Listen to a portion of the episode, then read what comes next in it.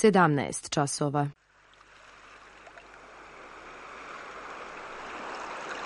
Radio Televizija Srbije. Radio Beograd 2.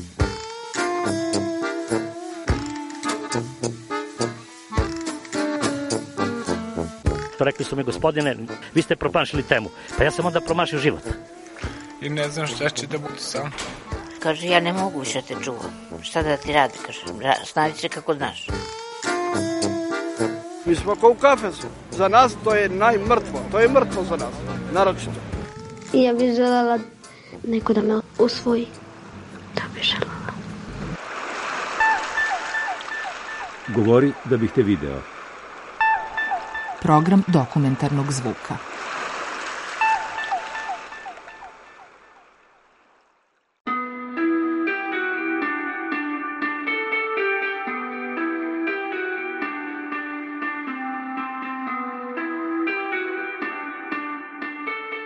Ćao, zovem se Elizaveta, došla sam u Srbiju iz Sibira preko razmjene studije, sad već e, živim tu oko četiri godine. A, upisala sam međunarodne odnose, imam 23 godine, 24 u augustu. Planiram da ostavim ovde, pošto mi se baš sviđa Srbija i za četiri godine napravila sam se život tako da baš bit će teško ako vratim se u Rusiju. Pa je otprilike, mislim da i promenjen nekako mentalitet malo na srpski, tako da malo mi tešće biti opet u Rusiji.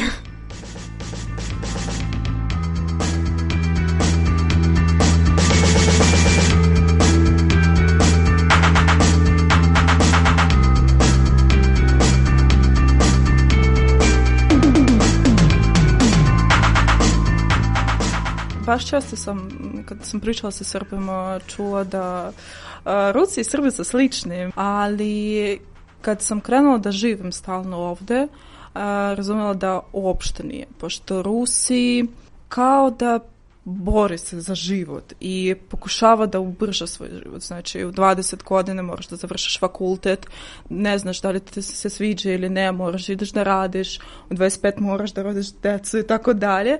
U Srbiji drugačije.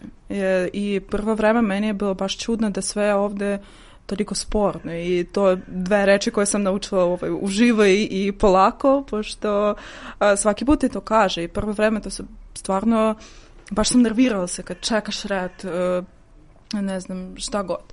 I različito su zbog toga da Rusi, pa ovo što kažem, da Rusi baš brzo raste i psihološki to i u 30 godina čovjek stvarno može da se izgori pošto sve što otprilike trebalo bi da preživi skroz ceo život, on je ovako na brzinu i kao sigurno je bili neke stvari koje ne treba bilo da radi, ali je odradio što mora.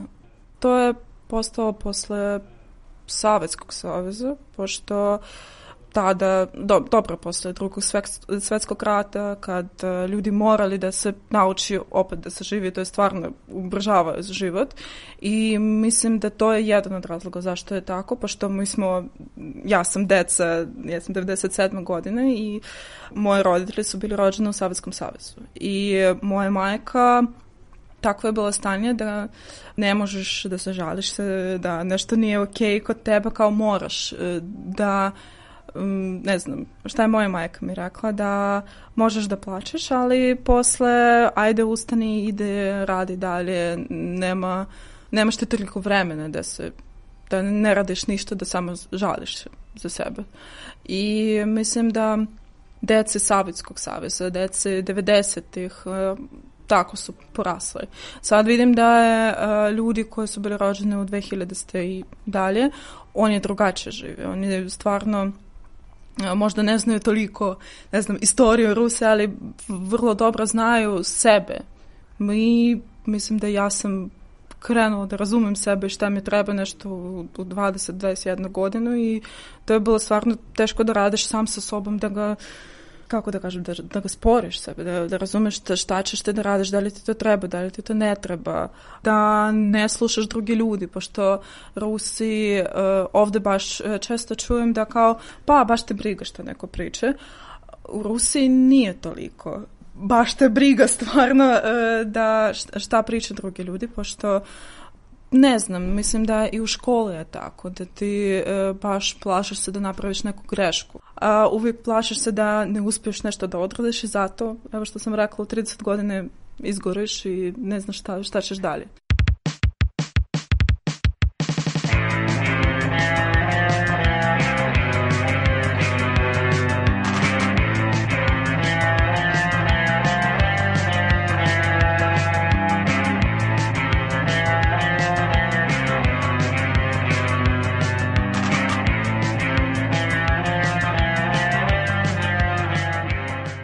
meni je bilo baš čudno da ljudi moje godište, kao kad sam došla ovde, ja sam već završavala fakultet. Ovde moje godište krenuli na fakultet i ne znam, svaki put ajmo na žurku, ajmo na piće, ajmo da idemo negde, ne znam, u bazenu i tako dalje.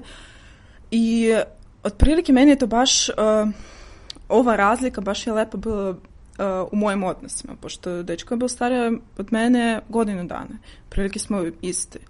I pošto smo mene predložili da budemo vereni, ja sam to na kraju sam skontala da baš smo drugačije gledamo na šta je život zajednički, šta je odgovornost za partnera, šta je...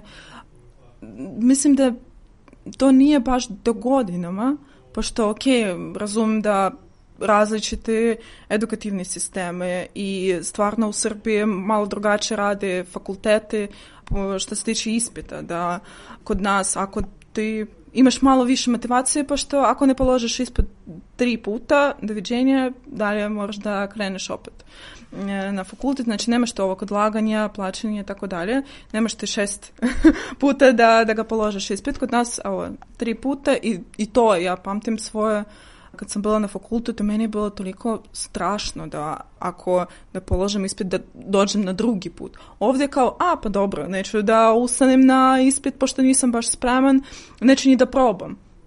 Ne. Kod nas to ne postoji, znači moraš da probaš, moraš nešto da radiš. I uh, ovo što isto sam rekla da kao neka, bo, više imamo borbe za život. I to je i dobro i nije dobro, pošto šta je dobro da stvarno više smo spremni za ovaj odrasli život, za da budeš samostalan, da e, možeš da se snađeš se bilo gde. Šta nije dobro od toga da mislim da psihološki nije dobro. Živiš na automatu, ne znam da li postoje tako mm, rečenica u, u srpskom.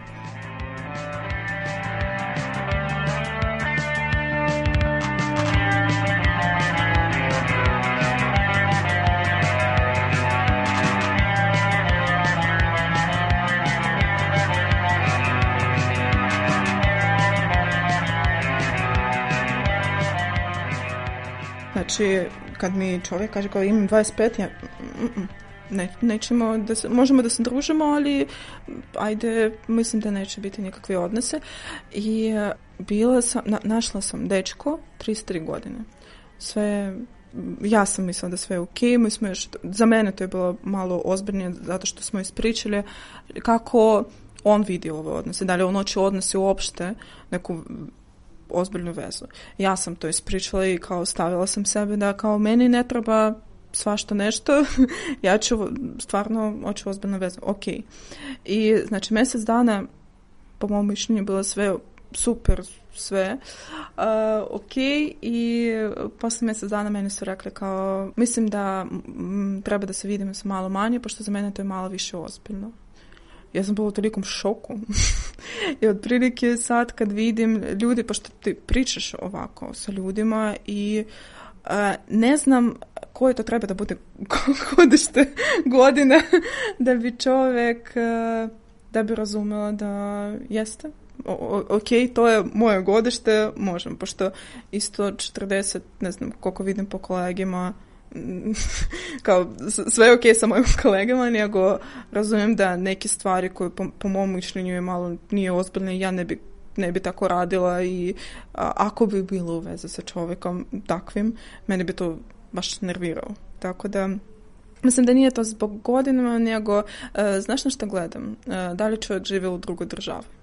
Nije zbog toga da zarađuje više pare tamo, nego zbog toga da to baš um, ovaj separacije od roditelja, separacije od svoje države i kad ti ostaneš sam, to ti baš pomogao da, da porasteš. Ja kad sam došla bila 20 i mislila da sam baš ozbiljna ličnost da, i stvarno razumijem da to je bilo tako, ali kad vidim sad za ove tri godine kao da je prošlo 10. Pošto moraš da prođeš neke stvari koje drugi ljudi uh, e, prođe za 10 godina, a tebi, a ti imaš dve. da, dobro, nije, nije imaš, ali tako se desilo da treba bilo da uzmem sebe u svoje ruke i da, da, da radim nešto sa, sa sobom.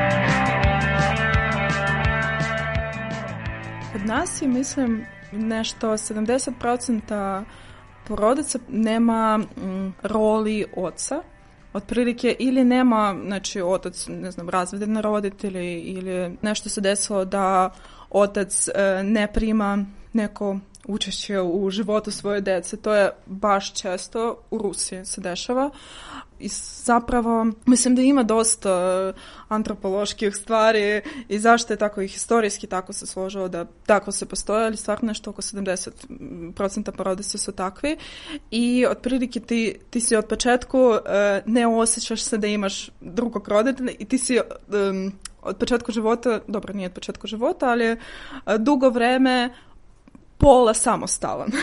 znači niko te ne čuva, pošto obično Mislim da u porodice otac ti, e, ne znam, nešto može da zabrani da negde da se ideš i tako dalje i čuvate i to je neka zaštita i e, mislim da dece ostani bez toj zaštite mentalno. Oni to, ti to ne primeš, zato moraš da naučiš sebe kako da budeš zaštitan. A kad živiš kući sa roditeljima, to je zaštita, mislim.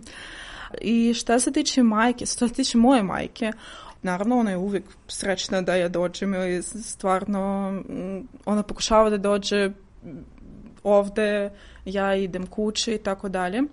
Ali isto što se tiče žena, oni uh, u Rusiji mislim da ovo isto 70%, nešto ovako, uh, žene radi baš dosta, baš, uh, znači moja majka je doktor i ona je imala smene od 8 ujutru do 3 popodne sledećeg dana. Znači, dan i po nema, tako da moraš da naučiš se kako, ne znam, da, da skuvaš sebe hranu, pošto prvo vreme naravno jedeš neke bonbone, a posle svaki čovek hoće normalnu hranu.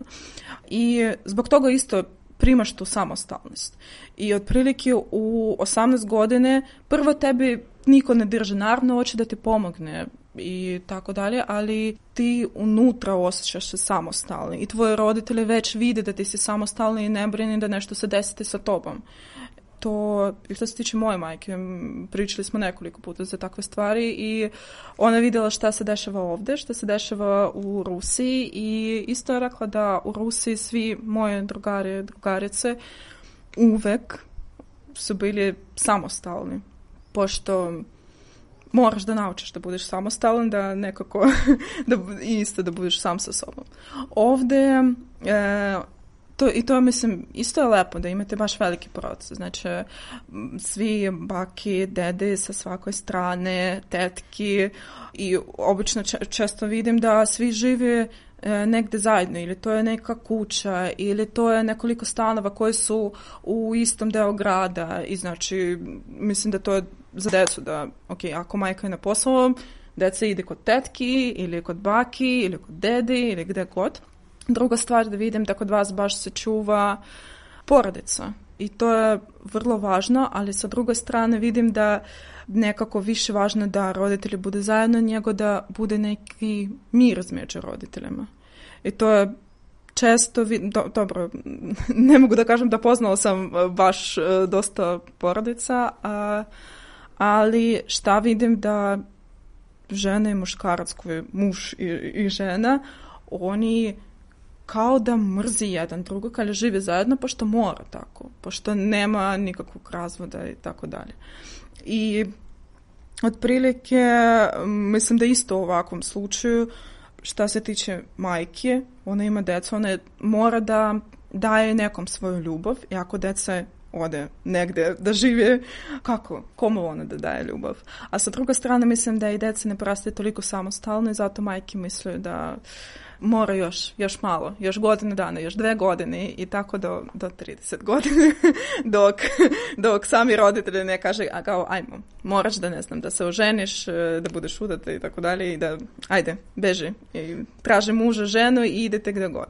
I to je, vidim da kao, ako muškarac e, živi sa roditeljima i posle pozna neku ženu, oni pravi svadbu i tako dalje, žena može da dođe u kuću, stan, muškarci, to je za mene, da živim sa roditeljima muža ili sa svoje, kao, ja obožavam svoju majku i baš hoću, pošto planiram da ostanem u Srbiji i baš bih htela da, da bi ona presala ovde ili negde blizu, pošto daleko od Rusije, ali da živimo zajedno u jednom stanu, u jednoj kući, e, nema to veze koliko to velika kuća, nikad. Prvo mislim da dve domaćice na jednoj kuhinji, to je, to je neki rat, treći svetski uh, rat, a druga stvar da za roditelja ti uvijek budeš deca. I možeš da ne budeš deca samo kad živiš samo kad nema blizu roditelja. A ka, ako ima, ništa. znači, uvijek će biti deca, a stvarno moraš nekad da porasteš i u Rusiji plan na decu šta pre da poraste, šta pre da ode, šta pre da, da nađe svoje mesto u životu.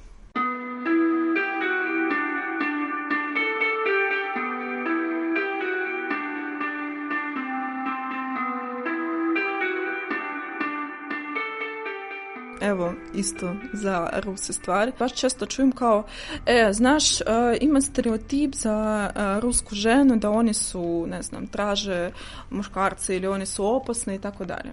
Ruska žena od početka svog života uči se i čuje, ne znam, univerzitetu, od roditelja. Ja nisam to čula od majke, ja sam čula to od oca ne znam, u dečićem vrtu. Znači, kad ti kaže, evo ti kuhinja, igre sa kuhinjom, a, znači, od početka ti učiš se kako da budeš ovoj stereotipične ženoj, otprilike da znaš kako da kuvaš, kako da središ kuću, e, kako da izgledaš, e, zašto ljudi kaže da kao ruskinje, ukrajinke, otprilike sve, posavjetski savez, savez su najlepše. Ne mislim da smo najlepše, kao mislim da svi žene prilike su lepe, nego uvek Znači, beauty industrija u Rusiji baš dobro je razvita za žene. Da žene dođe da se srede, ali oni to, dosta ljudi radi to nije za seba, nego da bude lepa, da ga nađe nekog.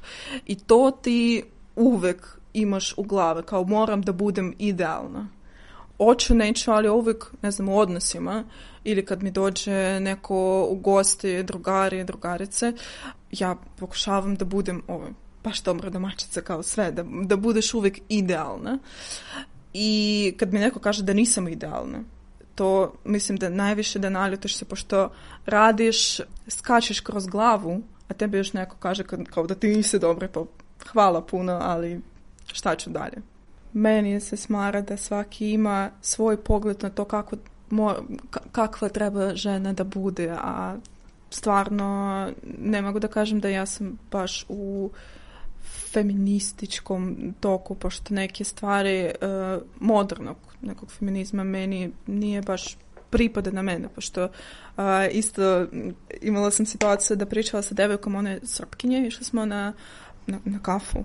A, I ona je baš a, stvarno radi veliki posao što se tiče studenta, što se tiče žene u Srbiji, ona svuda. svuda mislim da baš voli neke projekate i baš tamo pomogava.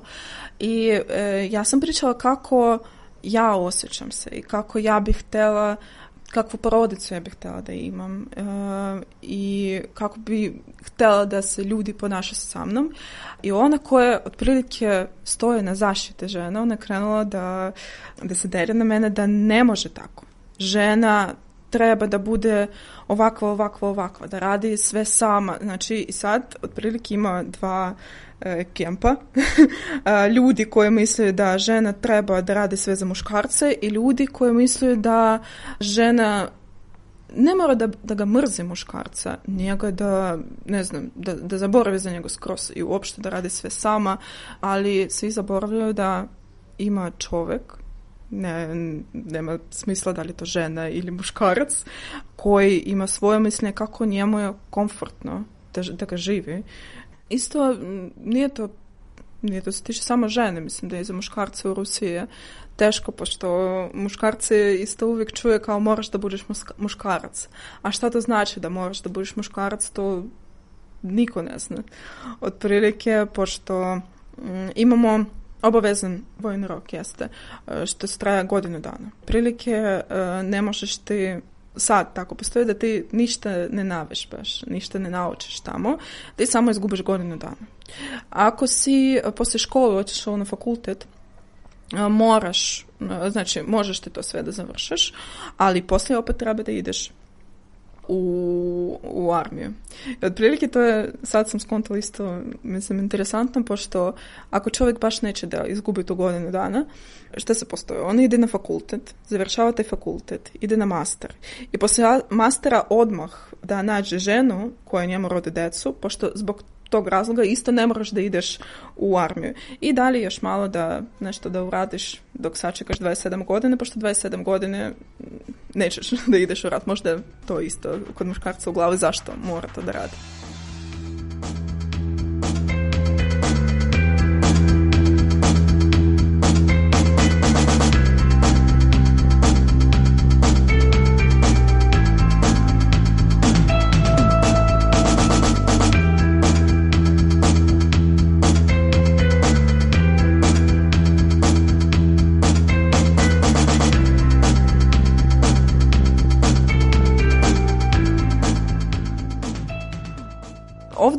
isto imate mora, ali kod vas je ovo mora, uh, mora i treba da radiš malo je drugačije, pošto kao da uzeli su iz različite priče i otprilike, mislim da to je jedan od razloga zašto u Srbiji tako se dešava sa mladim ljudima, da oni ne znaju stvarno šta mora, šta treba, i, pošto jedan deo njima kaže kao, ne znam, moraš e, da napraviš namo, e, ne znam, unuka. Drugi deo ti kaže kao moraš da studiraš, e, samo studiraš, nećeš da radiš. Treći deo ti kaže moraš da radiš pošto nemaš para, šta ćeš, kako ćeš da platiš, tako dalje. I tako da mladi ljudi sede kao, pa šta ću, idem da pijem kafu, samo da zaboravim sve to. Kod nas ti pokušavaš da uradiš sve to odjednom, ti ne misliš na to da li, da li da, da li ne, samo da ne budeš posle... Mislim da isto Rusi se, e, do, dosta Rusi plaše e, da, da neko nešto kaže, evo što isto smo pričali, ali sa druge stvari, to je, znaš, isto savjetski, e, baš dosta trošimo vreme u školi i na fakultetu da, da izučavamo Savjetski savez. I stvarno, u Savjetskom savezu je bilo kao ako ti ne radiš ti si um, zaboravila sam reći na ruskom. Znači ima reč koja, kako se zove taj čovjek. Znači ako ti ne radiš, ako ti nemaš posao, ako ti nemaš ništa, ne studiraš uh, i tako dalje, otprilike svaki put kad vidiš ove sve plakate, oni su neki čovjek koji samo pije, ne znam, neki alkohol, otprilike šta, šta da pije na ruskim plakatima, vodku. Ili uh, da ti si neki loš čovjek, znači inače nema drugog razloga zašto ti ne radiš, zašto ti ne studiraš, E, zašto ti nisi u armiji i tako dalje. Kako da kažem, imaš plan na život, znači rođena je deca, aha, znači deca ide tamo da uče, e, ne znam, na medicinski fakultet, posle ide vamo, posle radi to i e, tako dalje. I zbog toga da to ide od početka života, ti mm, ne možeš nekad ni da skontaš da može nekako drugačije.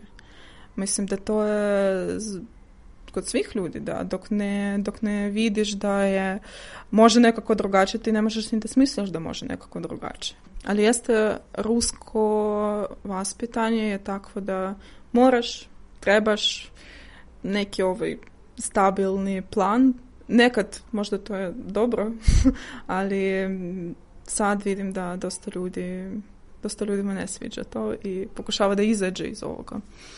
Srbija mi je pomoglo da, da ne žurim, da ne bežim negde, da razumem da jeste sam mlada i nemam ja nekog ispitnog roka kad moram sve da položim svi ove kao ok, našla posao, e, položni ispit. E, ne znam, našla muža, položni ispit. Ali sa druge strane, na svom poslu ja razumijem da ja sam malo više u prioritetu, pošto uh, malo više samostalna i malo više odgovorna za svoj život, za svoj posao i to je moj benefit. Mislim da to je više zbog toga da sam ruskinja nego zbog toga da sam takav čovjek, pošto Rusija ti uči tomu. I e, naravno, baš drugačije sam pogledala na život u Srbiji, pošto prvo vreme meni je bilo kao kako to može da biti, ne znam, kako ljudi može, ne znam, sede ceo dan i da radi ništa, šta, šta, šta ću, moram da idem.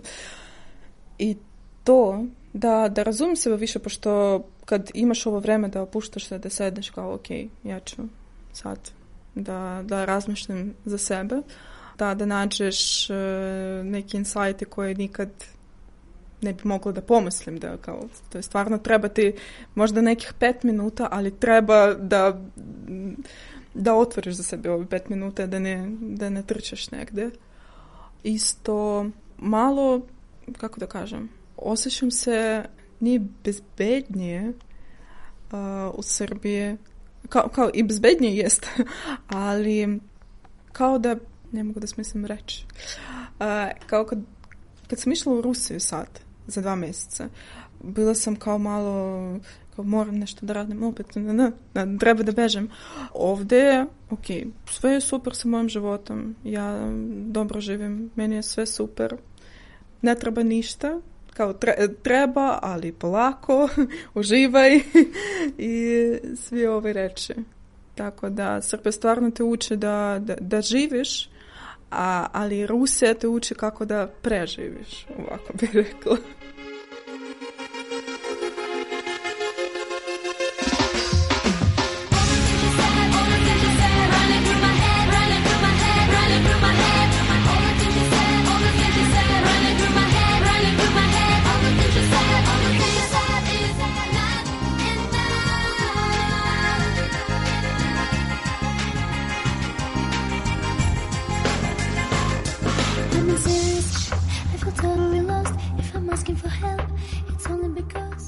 reportaži govorila Elizabeta Ivanova. Autor Milena Radić.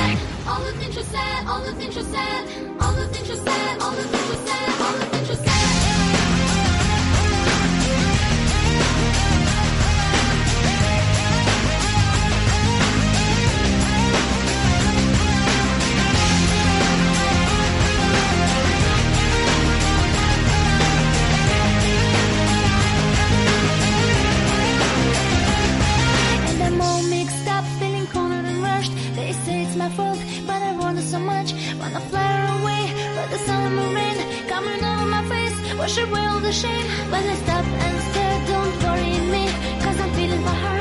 What she's feeling for me. I can try to pretend, I can try to forget, but it's driving me mad.